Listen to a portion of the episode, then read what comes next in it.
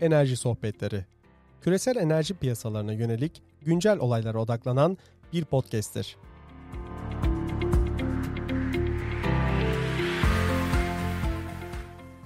Merhaba 8 Temmuz 2021 tarihinde karşımızda doçent doktor İzzet Arı var. Bilmeyenler için İzzet'i tekrar tanıtmak istiyorum. Ee, yıllarca Devlet Planlama Teşkilatı'nda hem de iklim müzakerelerinde yer almış. Ee, şu anda da doçent doktor olarak bu konulara devam ediyor. Bir önceki podcast'imizi dinlemeyenler için kendisi zaten feedback verecektir. Fakat bugün asıl konuşacağımız şey meşhur madde 6 deyip İzzet'e sözü veriyorum. İzzet buyur. Merhaba Barış, tekrar teşekkürler. Hı hı. E, dünkü yayının hemen arkasında çok birbiriyle iç içe konular. E, Paris Anlaşması altındaki madde 6 e, da bizim tabirimizle karbon fiyatlandırılması ve yeni mekanizmalar konusu. Hı hı. E, dünün çok kısa bir özetini yapayım istersen. Tabii, bir, bir iki dakika. E, Paris Anlaşması yeni bir anlaşma. 2015'te e, kabul edildi. 2016'da yürürlüğe girdi. Daha doğrusu 2016'da yeter sayıda ülkenin imzasıyla yürürlüğe girdi. Ama gerçek manadaki yürürlüğünü biz 2020 yılı itibaren içinde bulunduğumuz dönemde yaşıyoruz. Ee, esas amacı Birleşmiş Milletler İklim Değişikliği Çerçeve Sözleşmesi'nde öngörülen küresel iklim sisteminin korunması, onun altına bir yapı, onun altına bir yasa ve bu yasayla da e, hem e, küresel e, sıcaklığın, ortalama sıcaklığın 2 e, derecenin hatta mümkünse 1,5 derecenin altına tutulması e, e, sanayi devrimine göre. Bu birinci amacı. İkinci amacı da şey Paris Anlaşması ile birlikte sürdürülebilir kalkınma ilkeleriyle sürdürülebilir kalkınmanın e, e, gerekliliğini hem gelişmiş hem de gelişmekte olan ülkelere hı hı. şey yapabilmek, e, hayata geçirip uygulayabilmek. Hı hı. O yönüyle e, sür, e, Paris Anlaşması hem iklim değişikliği mücadele hem sürdürülebilir kalkınmanın e, sağlanması hı hı. hem de e, ülkelerin e, gelişmişlik farklarının azaltılması noktasında bir fırsat sağlayabilir. Yani üç ana hattını böyle söyleyeyim. Türkiye'yi konuşmuştuk. Türkiye'nin işte emisyon azaltımı ile ilgili mutlak emisyon azaltım yapamayacağı, finansman e, kaynaklarına çeşitlendirme yapılması gerektiği ve e, hala Paris Anlaşması altındaki belirsizliklerin Türkiye'yi nasıl etkileyip etkilemeyeceği noktasındaki Türkiye çekincelerinin Paris Anlaşması'na taraf olmayı biraz e, geciktirdiği veyahut da netleştirilmesi gerektiğini vurgulamıştık. En önemlisi de madde 6'ydı. Şimdi madde 6'yı konuşuyoruz. Şimdi e, madde 6 Paris Anlaşması'nın altındaki e, açığa kavuşturulmayan bir husus diye söylüyoruz ama nedir buradaki mesele onu söyleyeyim. Aslında Paris Anlaşması'na girdiğimiz an e, e, 6. maddenin altında 9 tane paragraf kabul edilmiş bir e, madde aslında. Yani e, ve altındaki fıkralar ve bentleriyle her şey çok açık, problemsiz gözüküyor. Fakat şimdi e, problem şuradan kaynaklanıyor. Madde 6 e, çok çok fazla şey çok e, implicit söylüyor. Yani zımni söylüyor. Peki şöyle Öyle mi, olduğu için İzzet şöyle mi diyebilir miyiz? Aslında Paris Anlaşması madde 6. Bilmiyorum yani attım şimdi ama. Şimdi Paris Anlaşması madde 4 bir tanesi. Yani biz bu bütün bu aslında e, ikinci ve üçüncü maddeler e, amaç ve genel çerçeveyi söylüyor. Hı. Kalbi noktaları söyleyeyim. Yani en kritik yerde de bir tanesi madde 4, dördüncü madde. Bir tanesi altıncı madde. Yani şu an bugün konuşacağımız konu. Dokuzuncu madde finansman tarafı. O da çok kritik.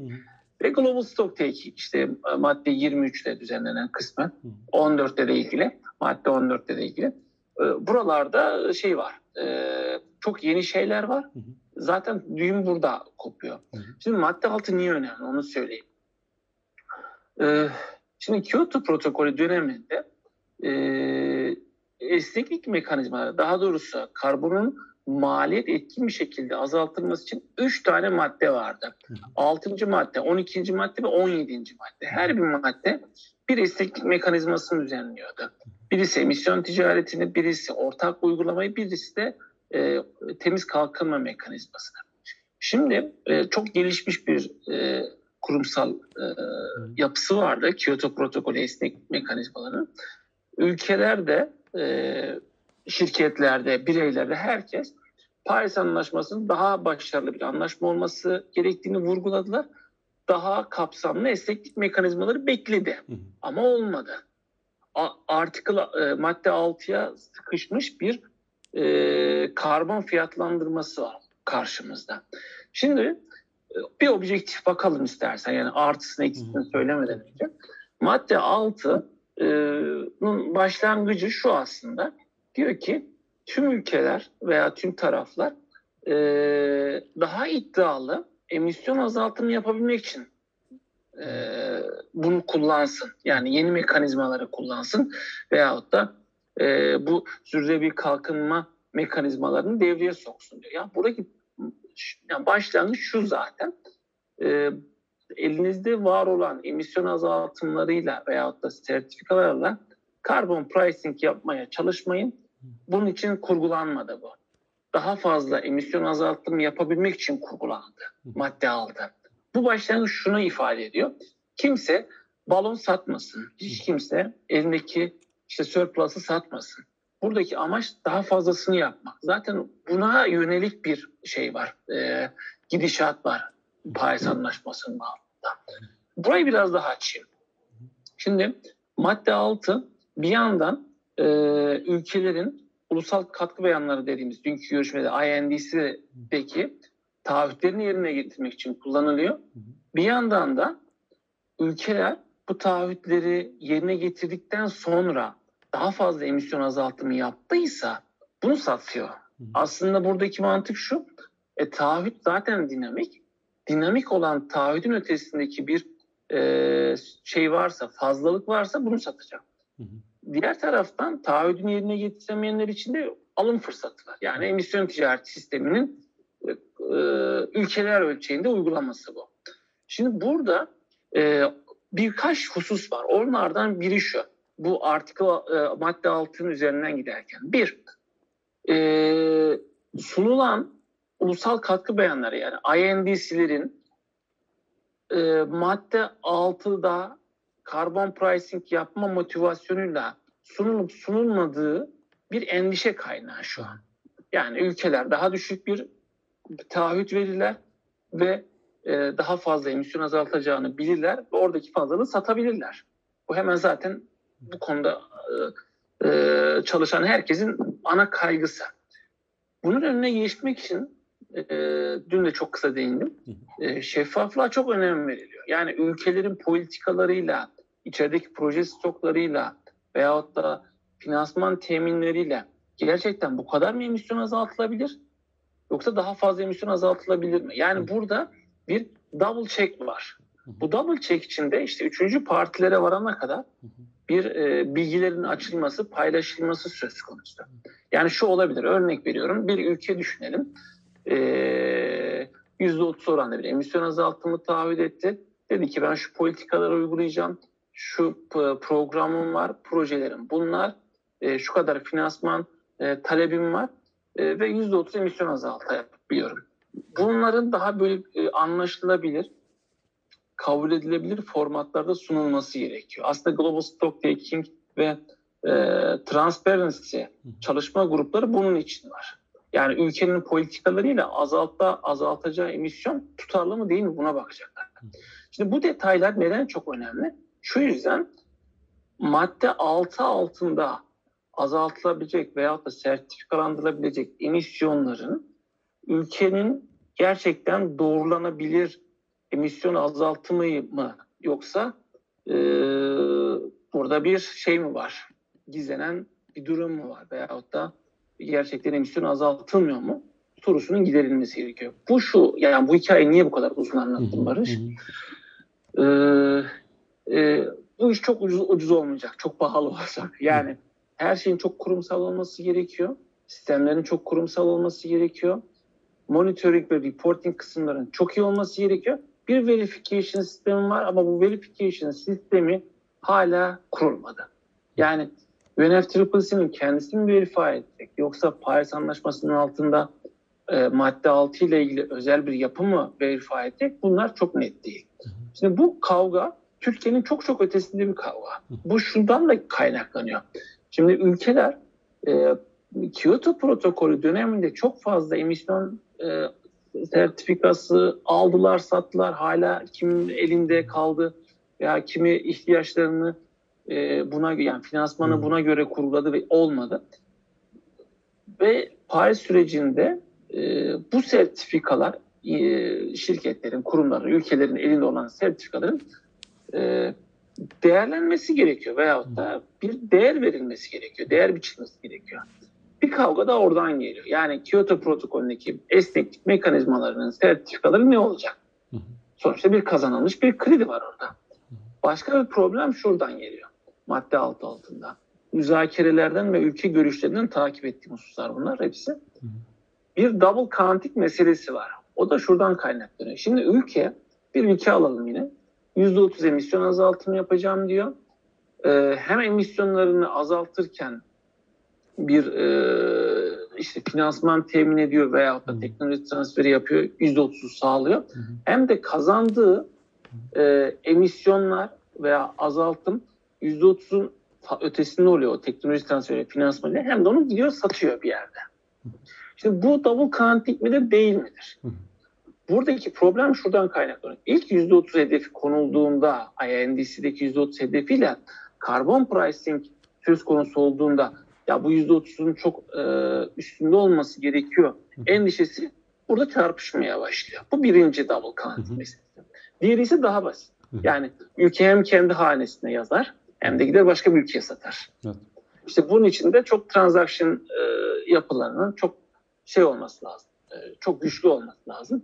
Yani double counting'in önüne geç. Birinci söylediğim daha bir e, hani çevresel bütünlük açısından veya kaygı açısından bir durum. E, o bu e, bu şeyi de sündürecek tabii. Yani bu kaygılar. Yani Paris Anlaşması'nı e, yoracak birazcık. Bu kaygı. Yani ikinci dediğim değil. Yani e, transaction'la ilgili mesele değil. Birinci kaygılar. O yüzden e, ara yani Global Stock Take'den sonra 2023'ten sonra burayla ilgili bir e, ilave düzenleme KOP kararıyla gelebilir. Fakat bu iyi senaryo. Biz hala madde 6 altında ülkelerin e, fikir birliğini görmedik. E, bu fikir birliği neden önemli? Çünkü e, şimdi e, e, ITMO denen bir yapı var. Yani International Transfer Mitigation Outcomes. Yani genel bir isim. Yani azaltılacak emisyon veya azaltılacak e, ne diyelim biz buna e, burada sadece emisyon da değil aslında. Burada yenilenebilir enerji sertifikası, enerji verimli sertifikalar da gidiyor bu arada bunun içine. Bunların e, bir yapı tarafından e, e, standart hale getirilmesi, verify edilmesi hı hı. ve dolaşımının takip edilmesi gerekiyor. Mesela biz onun şu an kim olduğunu bilmiyoruz. Hı. Böyle bir problem var yani kurumsal problemler var. Bu da şuradan kaynaklanıyor. Bunu bunu şeyle söyleyebiliriz. Yani e, tabii ki hani bir ülkeye bindirmek istemiyorum tümden ama e, Obama yönetiminden sonra Trump 2016 geldiği zaman yaptığı ilk işlerden biri biliyorsun Paris'ten çıkmak oldu ve çıktı. Evet. Ve e, 2017-2020 dönemi e, yani Paris Anlaşması ve Paris Kurallar kitabında e, yani kabasını aldılar müzakerenin öyle söyleyeyim hmm. ve çok e, iyi gitmedi aslında müzakereler. Çünkü e, şöyle bir şey var barış esasında. Paris'in mimarı olan ekip e, Obama işte şu anki John Kerry ve onun altındaki Stern ekibi o ekip e, gitmişti artık yani. Onun bir çünkü bu Paris'in ana şeylerinden bir, e, birisi ABD'nin kendisiydi. E şimdi Biden yönetimiyle birlikte işte e, John Kerry özel temsil olarak atandı. Bunu tekrar hayata geçirmeye çalıştı. Yaptıkları ilk zaten Paris'e yeniden katılmak oldu. 22-24 Nisan tarihleri arasında iklim liderler zirvesi oldu. iki gün boyunca ve o oradaki e, paralel olmayan tüm seçimlerin hepsini canlı takip ettim. Hı hı. Sayın Cumhurbaşkanımız da katıldı orada. Hı hı. E, beyan etti Türkiye'nin yaptıklarını. Şunu söylemeye çalışıyorum. E, yaklaşık 4 yıllık bir kayıp dönem var. Hı. Yani bu Paris Anlaşması 6 yıl oldu ama 4 yıllık kayıp.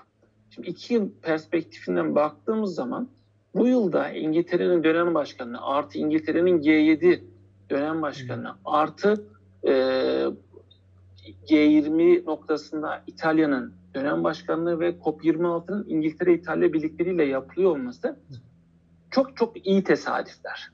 Belki de tesadüf değil, bilmiyorum ama çok çok iyi tesadüfler. Şöyle ki bir bütünlük, bir e, tutarlılık var burada. Yani G20 tarafından İtalya zaten bastırıyor. G, G7 tarafından e, İngiltere'nin kendisi. E, zaten COP26'da İngiltere, İtalya ve birlikteliği var. O bunlar yetmiyormuş gibi e, Biden yönetiminde Şubat'tan beri ve Nisan 22-24 Nisan'daki çok güçlü duruşlarıyla birlikte burada şu mesaj verildi. E, Paris Anlaşması'nın amacına, hedefine uyulacak, buna uygun politikalar yapacak. Hatta gerekiyorsa taahhütler gözden geçirilecek, daha iddialı taahhütler olacak. Her şey clarify edilir. Bunlardan bir tanesi de madde aldı. Bu yüzden şimdi Uluslararası Enerji Ajansı da Net Zero hı hı. E, Roadmap e, yayınladı e, Mayıs'ın son haftasında. E, Fatih Birol ve Sekreteriya da çok iyi çalışıyor bu nokta. Yani bütün e, iklimdeki bütün ana paydaşlar farklı düzeylerde iyi çalışıyor. Şimdi e, Alok Sharma e, dün söylemeye çalıştım. İşte geçtiğimiz e, haftalarda Türkiye'ye geldi. SBI safhası toplantıları sırasında. E, içerik konusunda çok bilgim yok ama şunu biliyorum. E, Türkiye'nin bir çekincesi var. Paris Anlaşması'nda taraf olmayan 5 ülke var. Bunlardan bir tanesi Türkiye. Türkiye diğerlerine hiç benzemiyor. Çünkü Türkiye'nin şeylerini, e, çekincelerini herkes çok iyi biliyor. Hı. Muhtemelen Türkiye'ye hani şöyle bir mesaj verildi ve ya da ya da verilmeye devam edilecek. Endişe etme, sen gelişmekte olan ülkesin. Ee, şeye devam, e, Paris Anlaşması ile ilgili sorunları çözelim, e, müzakereler devam mesajı verecek. Şimdi biz bunu, e, biz bu filmi bir, bir defa izledik 2015 yılında. E, o dönem COP dönem başkanı Fransa'yken e, Fransa hani Türkiye'ye herhangi bir e, itiraz etmesin, e, Türkiye'nin sorunlarının 2016'da e, Fas'ta, Marrakeş'te çözüleceğini taahhüt etti. Sözlü şöyle olarak. şöyle diyelim mi? Holland bir Holland bizzat bunu evet, söyledi. Aynen. Söyledi. Yani, yani Fransız olmadı. Cumhurbaşkanı bu sözü verdi. Tabii ama e, şöyle dün hatırlarsan şeyle başladık biz bu konuşmaya. Çok taraflı anlaşmalarda tamam söz bir kıymet ama esas değil. Esas yazılı veyahut hmm. da bir mutabakat olması. Hmm. E, Türkiye'nin Türkiye'ye verilen sözler 2015'te e, verilen sözler 2016'da tutulmadı. Hatta UNFTP sekreterisi bunu gündeme dahi aldı. Yani kaçak oynadı UNFTP sekreterisi. O ülkelere top atıyor. Ülkeler sekreteriye top atıyor. Yani Türkiye orada bir maalesef e, orada Türkiye'ye verilen söz tutulmadı. Şimdi bu e, şimdi Türkiye'nin yapacağı strateji şu. Türkiye Paris Anlaşması'na karşı olduğu için taraf olmazlık yapmıyor. Zaten öyle olsaydı ilk imzalayan ülkelerden biri olmazdı. Hı. Yani 22 Nisan 2016 ilk imzalayan ülkelerden. Hı. Türkiye'nin derdi şu an üçüncü öncelik olarak madde aldı. Birinci öncelik azaltım, ikincisi finansman. Bu madde altı zaten e, Türkiye'nin eğer gelişmekte olan ülke olduğu bir kop kararıyla netleşirse zaten Türkiye madde altı altından yürür gider. Yani e, zaten gönüllü emisyon ticareti 2004-2005 yılından beri yapılıyor. Kurumsal yapılara ihtiyacımız var. Çevre Bakanlığı MRV sistemi kurdu. PMR projesi yapıldı vesaire. Yani oralarda sıkıntı yok. Yani dediğim gibi yani Türkiye'ye çok bağlamak istemiyorum. Yani konu yine oraya geldi ama madde altı. Madde altı bize emisyon ticareti, e, temiz kalkınma mekanizmasının yeni versiyonu işte sürdürülebilir kalkınma mekanizması olabilir. Yeni versiyonu ve ülkeler arasında ortak uygulamayı sağlayacak e, esneklik mekanizmalarının adı. İlave bir nokta var e, e, orada e, madde altı altında. Bu da çok fazla dile getirilmiyor ama non-market approach dediğimiz bir e, 6-8 paragrafı var. Yani e, madde 6-8. O da şu Barış, onu da belirteyim. Bu, e, şimdi iklim noktasında e, özellikle en az gelişmiş ülkeler ve gelişmekte olan ülkelere e, tıpkı e, insani yardım gibi e, bir iklim yardımı veya kalkınma yardımı yapılması söz konusu olabilir. Fakat bu e, yardım, non-market approach biraz şey e, sonuç odaklı, yani result based olması gerekiyor. Yani doğrudan değil de bir program varsa, bir proje varsa oralara kanalize edilmesi gerekiyor. buradan sertifika çıkar mı çıkmaz mı bilmiyorum ama buradaki amaç özellikle en az gelişmiş ülkelerle küçük ada devletlerin durumunu kurtarmak. Onu söyleyebilirim. Burada ıı, şu önemli, tıpkı kalkınma yardımlarında olduğu gibi e, iklim yardımları da yapılacaksa eğer başka başka konular da bu işe eklenebilir. Şimdi e, hani bunun da ben kötü senaryosunu anlatmış olmayayım ama anlat anlat. Şimdi, e, Kaldırabiliriz. Bir kalk- şöyle düşünelim. Hı hı. Değil mi? Mesela kalkınma yardımları yapılıyor değil mi? Mesela bir ülkeden bir ülkeye kalkınma yardımı yapılırken ne oluyor? O kalk yardımın gittiği ülkede insani bir durum söz konusu oluyor. İşte mülteci, göç, terör vesaire vesaire. Yani onu hayata döndürme söz konusu. Şimdi burada iklimde ise şimdi iklimde de bir hayata döndürme söz konusu ama iklim bir sorunun sonucu. Yani şunu söylemeye çalışıyorum. Sera gazı emisyonlarını sen atmosfere sanayi devrinden beri salıyorsun ve stok problemi var. Bir compensation yapman gerekiyor. Bir ara insan haklarına giriyor. İşte zaten bu insan hakları meselesi de var. Ee, bu konuşulmaya başlandı. İnsan haklarıyla iklim değişikliği ve iklim değişikliğindeki kayıp zararların ilişkilendirilmesi de söz konusu olabilir. Buradan şuna geliyorum.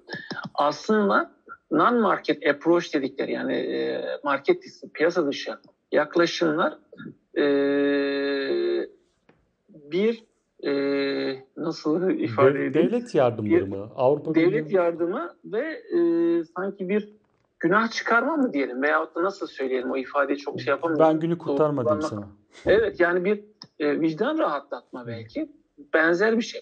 Fakat biz esasında biliyoruz ki burada e, e, gelişmiş ülkelerin veya sanayileşmiş ülkelerin zaten bu küçük ada devletleri ve en az gelişmiş ülkelerdeki sorunun kaynağı orası.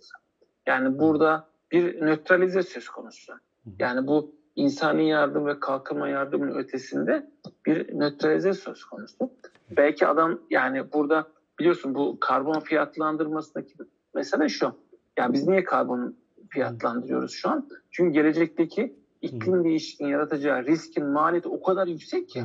E şu an ben azaltayım da o, maliyet, o risk maliyetini düşüreyim istiyorum esasında. Yoksa hani buradaki tek amaç maliyet etkin emisyon azaltımı değil.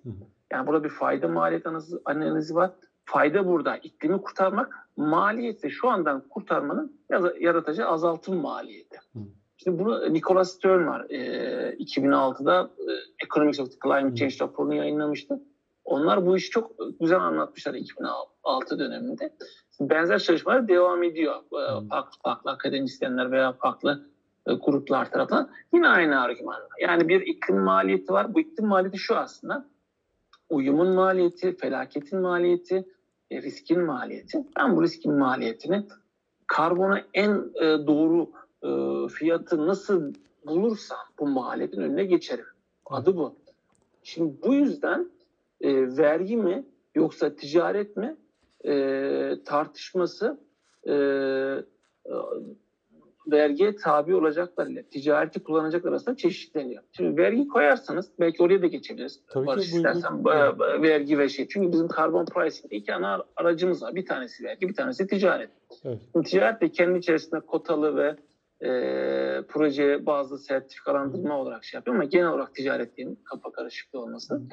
Şimdi e, vergi de e, bir mm, e, yani ilave bir ya şöyle bir şey var her şeyden önce. Vergi tamamını kapsayacaktır. Yani üretici ve tüketici tarafının tamamını kapsayacağı için e, bir sosyal maliyeti olacak. Yani bu ülke, A ülkesi, B ülkesi bu sosyal maliyeti karşılayabilir mi, karşılayamaz. Hı. Buna bakmak gerekiyor. Ticarette ise daha çok tahsisat bazlı olduğu için biraz daha üretici, biraz daha işte sorun e, sorunun kaynağındakilere yönelik oluyor. Tabii bunun da dolaylı olarak bir sosyal maliyet var. Buradaki benim tavsiyem şu. Hani bunu geçmişte de tavsiye etmiştim. Hala tavsiye ediyorum. Ee, vergi ve ticaret farklı ölçeklerde pilot olarak uygulanmalı. Pilot olarak uygulanmalı ama hangisinin e, etkisi daha e, yüksek ise Hı hı. o, o e, aslında o yüksek dedim yani risk anlamında yüksek ise ondan vazgeçilmeli. eğer ki bir karar verilemiyor ise yani bölge arasında çok büyük farklılıklar var veya gelir gruplar arasında çok büyük farklılıklar var ise yani burada bir artık e, devlet müdahalesine gittiniz. Bu devlet müdahalesi de tabii ki bir taahhüt alındığı zaman söz konusu olabilecek bir şey. Yani buradan sonra zaten iş e, taahhüt devreye girdiği zaman toplumun geneline yayılan bir durum oluyor. Eğer ülkelerin veyahut da bölgelerin e, veyahut da yapılarında diyelim e, vergi ve ticaretle tecrübesi var ise bence burada hibrit uygulanması gerekiyor. Hibrit bir yapı. Yani hem vergi hem e, tahsisat. Yani vergiyle tüketici yöne, şey yapmak, yönlendirmek vergiyle e, tahsisatla da üreticiyi yönlendirmek. Bu çok zor tabii. Çünkü burada her şey çok şeffaf olması gerekiyor. Verginin çok adil toplanması gerekiyor. Sektörlere göre verginin farklılaşması gerekiyor. Hatta bölgelere göre farklılaşması. Kimsenin vergi itiraz etmemesi gerekiyor. E, bir de o var tabii. Çünkü bu biliyorsun bu, bu bir lobi meselesi aynı zamanda. Yani mesela Türkiye'de şunu söyleyelim. Herkese karbon vergisi uygulanırsa hani lobiler çok sıçramayabilir değil mi mesela? Evet. Tabii onun çok negatif etkisi olacaktır ama ama mesela e, düşünelim. Diye, mesela sadece çimentocuya, sadece demirçiliğe, sadece işte e, kimyasal sanayine e, vergi konulduğunu düşünelim değil mi? Mesela evet. hem daha zor çünkü onu gözetmek çok kolay değil, monitör etmek kolay değil. Hem de bunun bir siyasi etkisi olur. Evet. E, tahsisatta da benzer şekilde. Orada bir kota meselesi var. Yani kotayı kime göre dağıtacaksınız? Kapasiteye göre mi, sektöre göre mi, önceki sektörünüze göre mi? Yani her taraf incitici aslında. Hı. Barış burada ama e, tecrübe etmek gerekiyor. Bu tecrübeyi pilot ölçekte yapıp bir hibrit uygulanabilir. Bu madde 6'nın vergi ve ticaret boyutu esasında senin dünkü soruna getiriyor bizi. Ya bir yeşil dönüşüm olacak ama biz yeşil dönüşümü biz 2008-2009 finansal krizinden beri bekliyoruz ama olmuyor. Çünkü niye? e, 2016'ya kadar bir boşluk vardı itici kuvvet olarak. O da Paris Anlaşması ile 2016'da giderilmeye çalışıldı.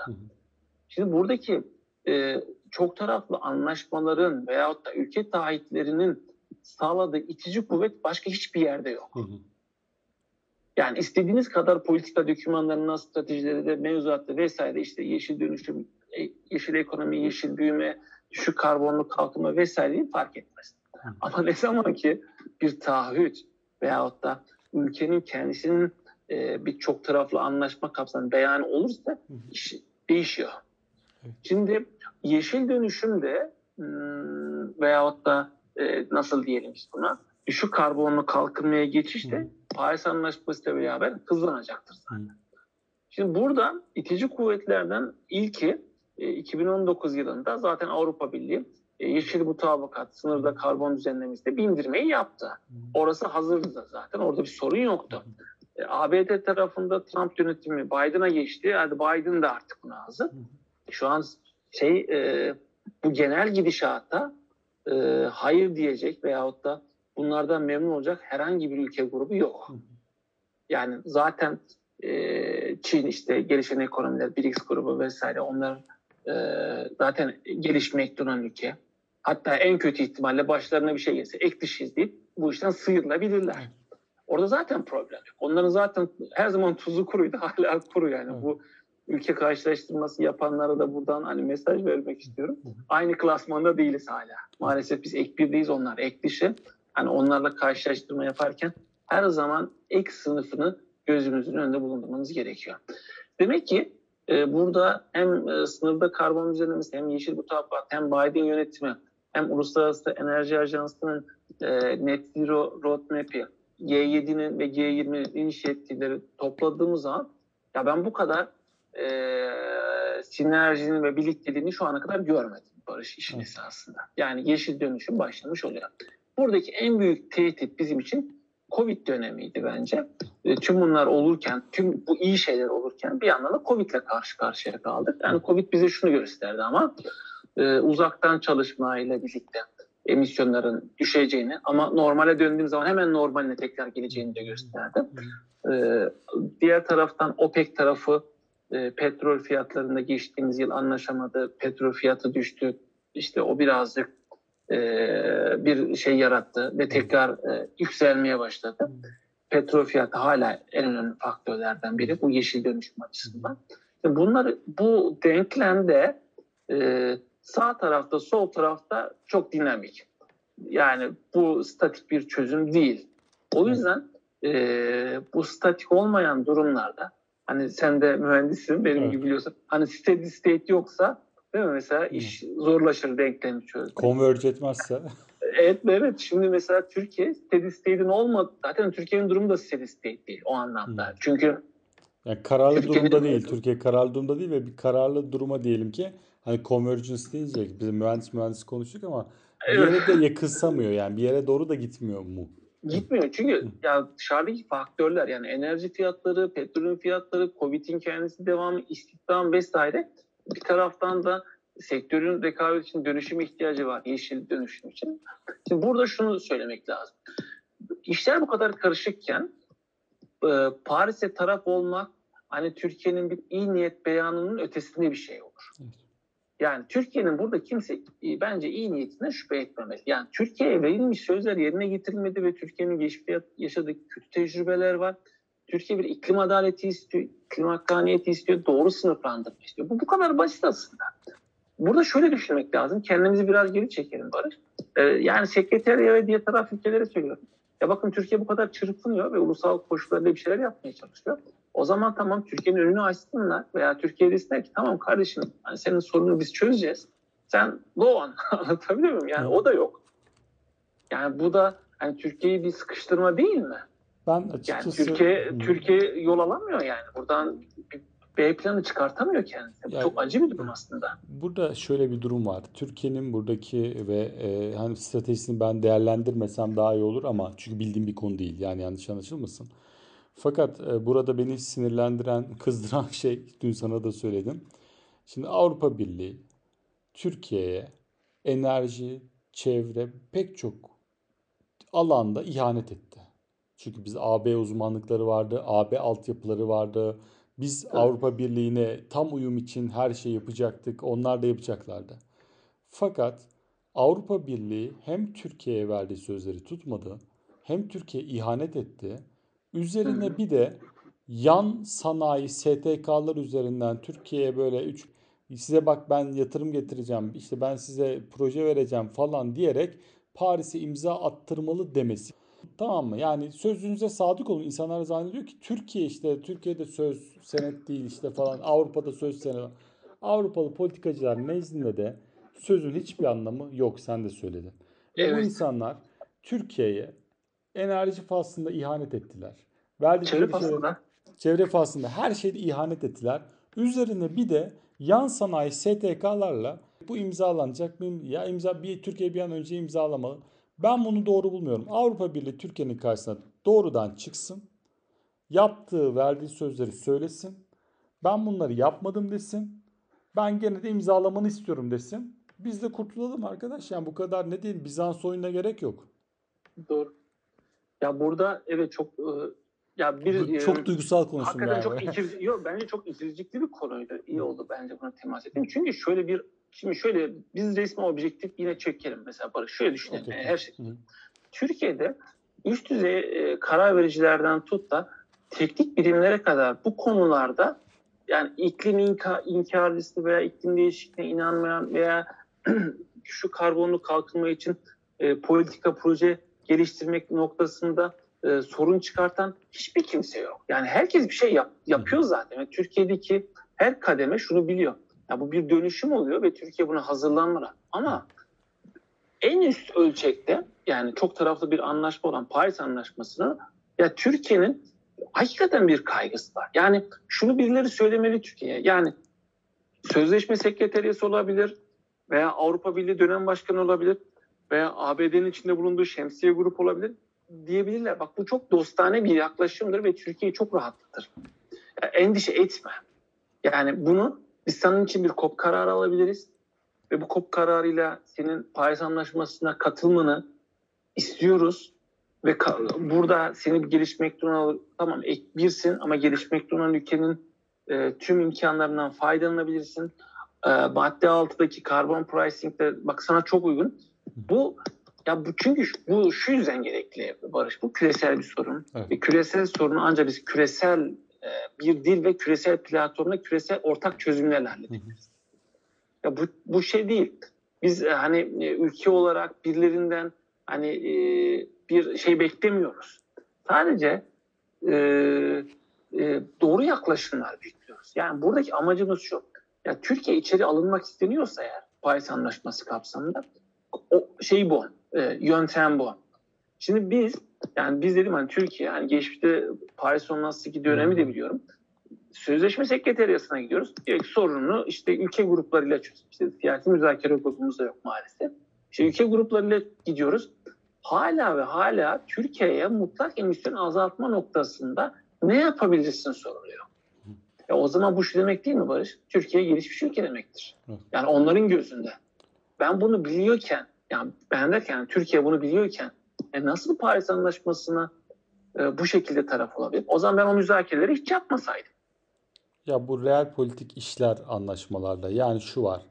Bir yerde aleyhine bir hüküm varsa Murphy kuralı gelince o hüküm daima işler. Yani biri görmezden gelemez. Yazılı karara ihtiyaç vardır. Aynen öyle. Biz de bunu KOP kararı olarak elimizde 4 tane 5 tane KOP kararı var. Ee, birbirlerinin e, birer versiyon upgrade'i diyelim ama hakikaten tam karşılamıyor ihtiyaçları. Ee, buradaki hani emisyonların e, sektörel bazdaki sorumlu kuruluşlar işte sanayi, enerji, ulaştırma ben onların e, konsörlerini çok iyi anlıyorum. Hı hı. Çevre Bakanlığı'nı da çok iyi anlıyorum. Burada zaten bir e, fikir birliği var zaten Türkiye'deki iklim değişikliği koordinasyon kurulundaki e, yapılar işte bakanlıklar tarafından. Fakat burada şu da var yani şunu inkar etmemek gerekiyor. Biz hakikaten taraf olmayan o beş ülkenin hiçbirine benzemiyoruz. Hı. Türkiye bu durumu zaten hak etmiyor. Ama Türkiye'de bu duruma düşürmemek gerekiyor. Ve Peki, burada bir hani de... madde 6'yı Türkiye çok çok rahat Hı. buradan fayda sağlayacaktır zaten. Ama bizim bu e, endişelerimiz ortadan kaldırılması gerekiyor. En azından küresel iklim değişikliğine daha fazla katkı verebilmemiz için. İklim değişikliği azaltma daha fazla katkı verebilmek için. Bu hakikaten çok iyi niyetimle söylüyorum. Yani bu bir e, bu hakikaten büyüyecek bir küresel sorun.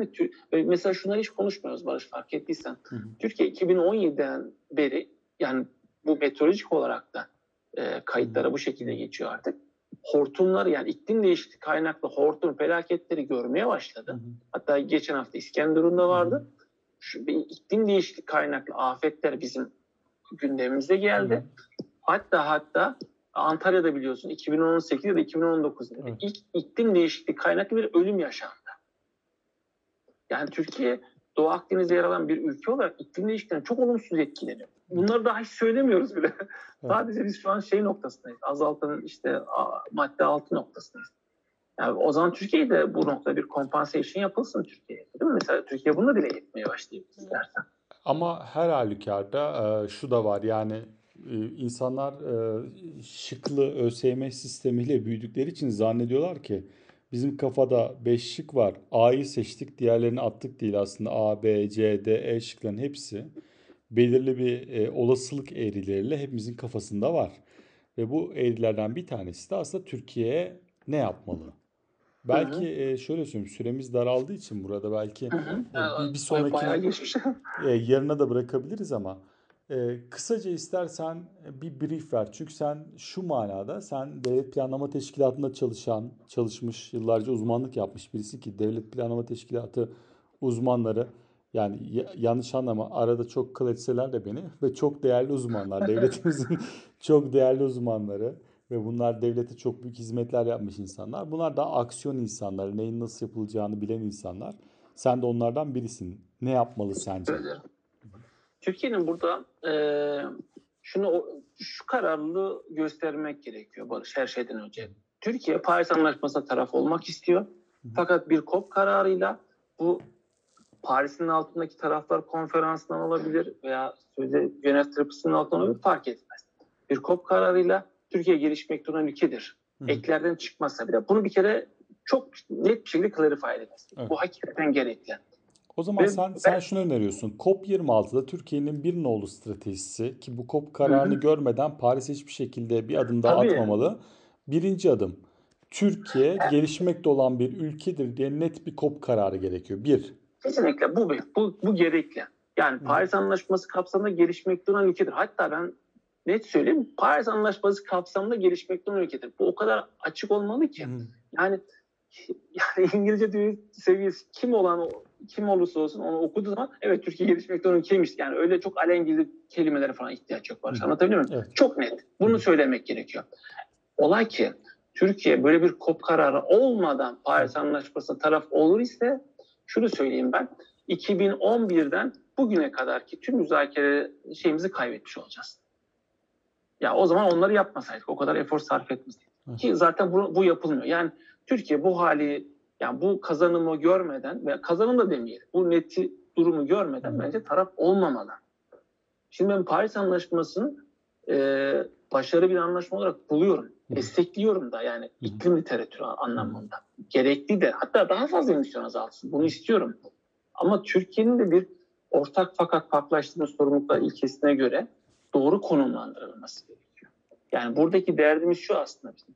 Türkiye'de emisyon azaltsın.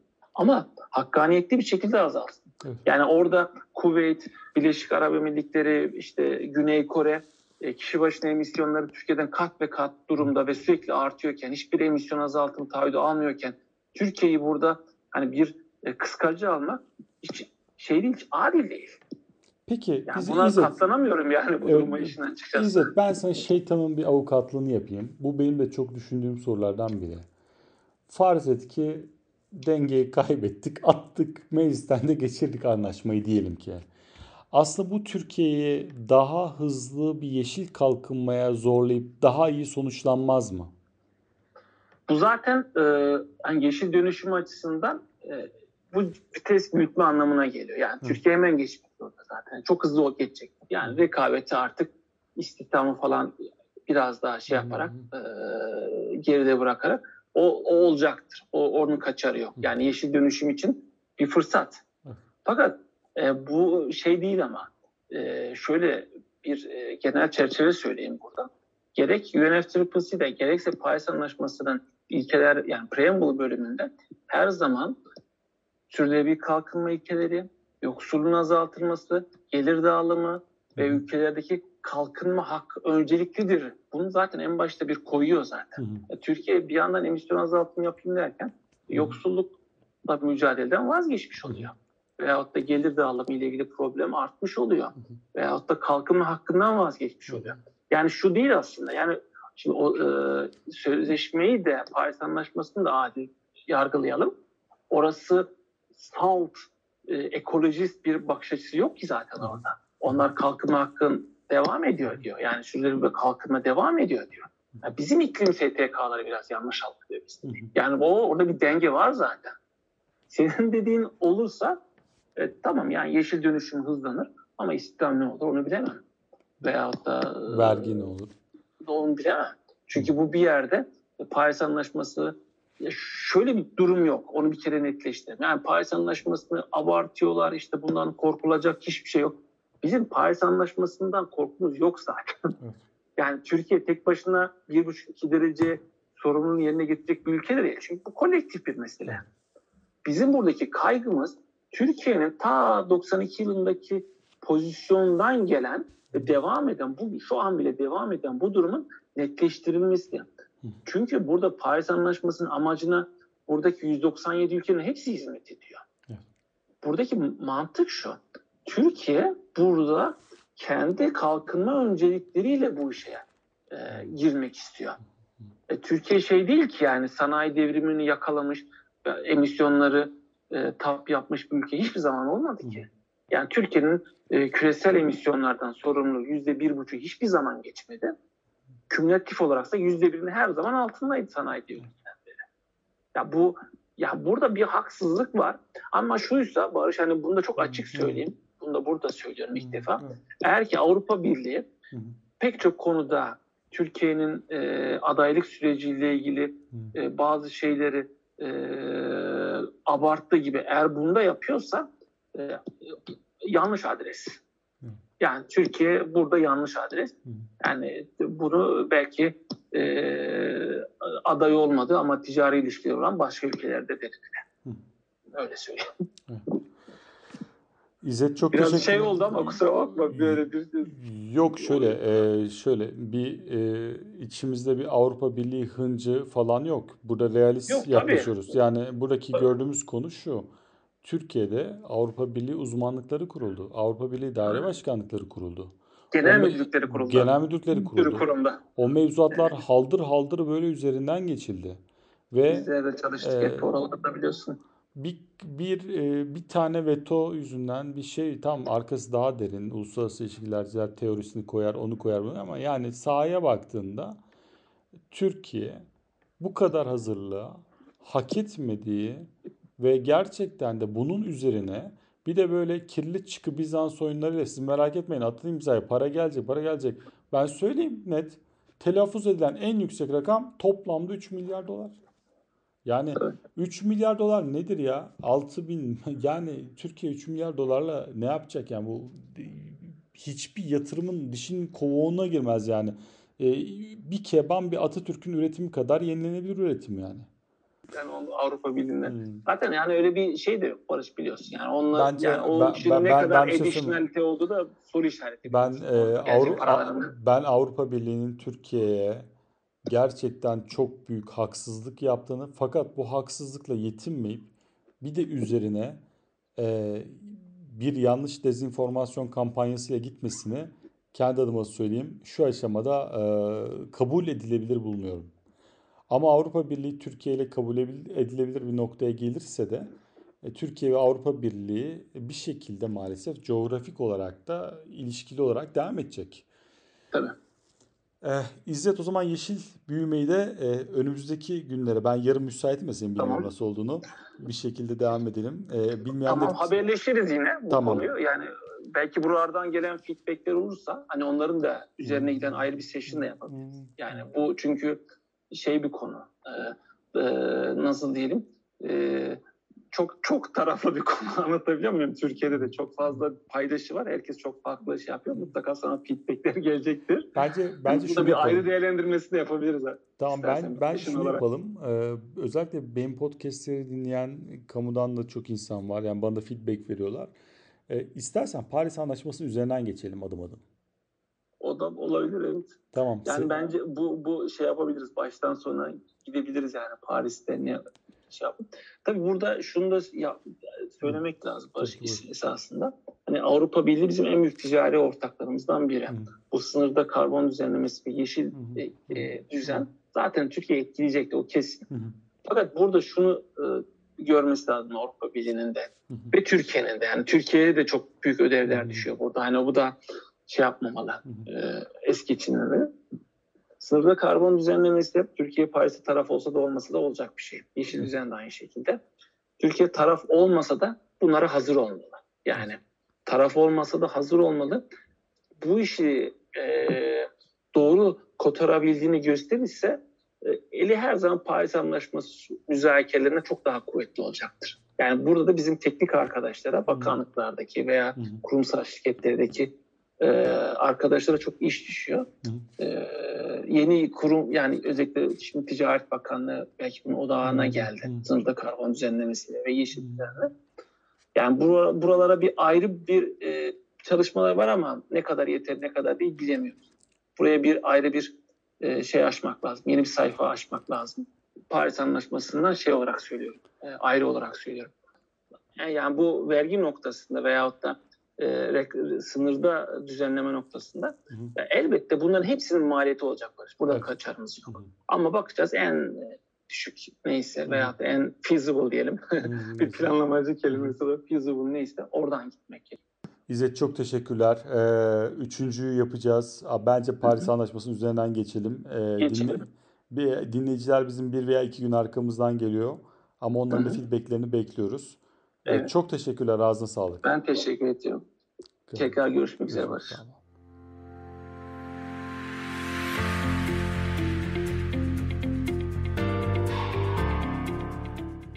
Dinlediğiniz için teşekkür ederiz. Enerji sohbetlerini Anchor, Spotify, Apple ve Google platformlarından takip edebilir, bizlerle iletişime geçebilirsiniz. Bir sonraki bölümde görüşmek dileğiyle. Hoşçakalın.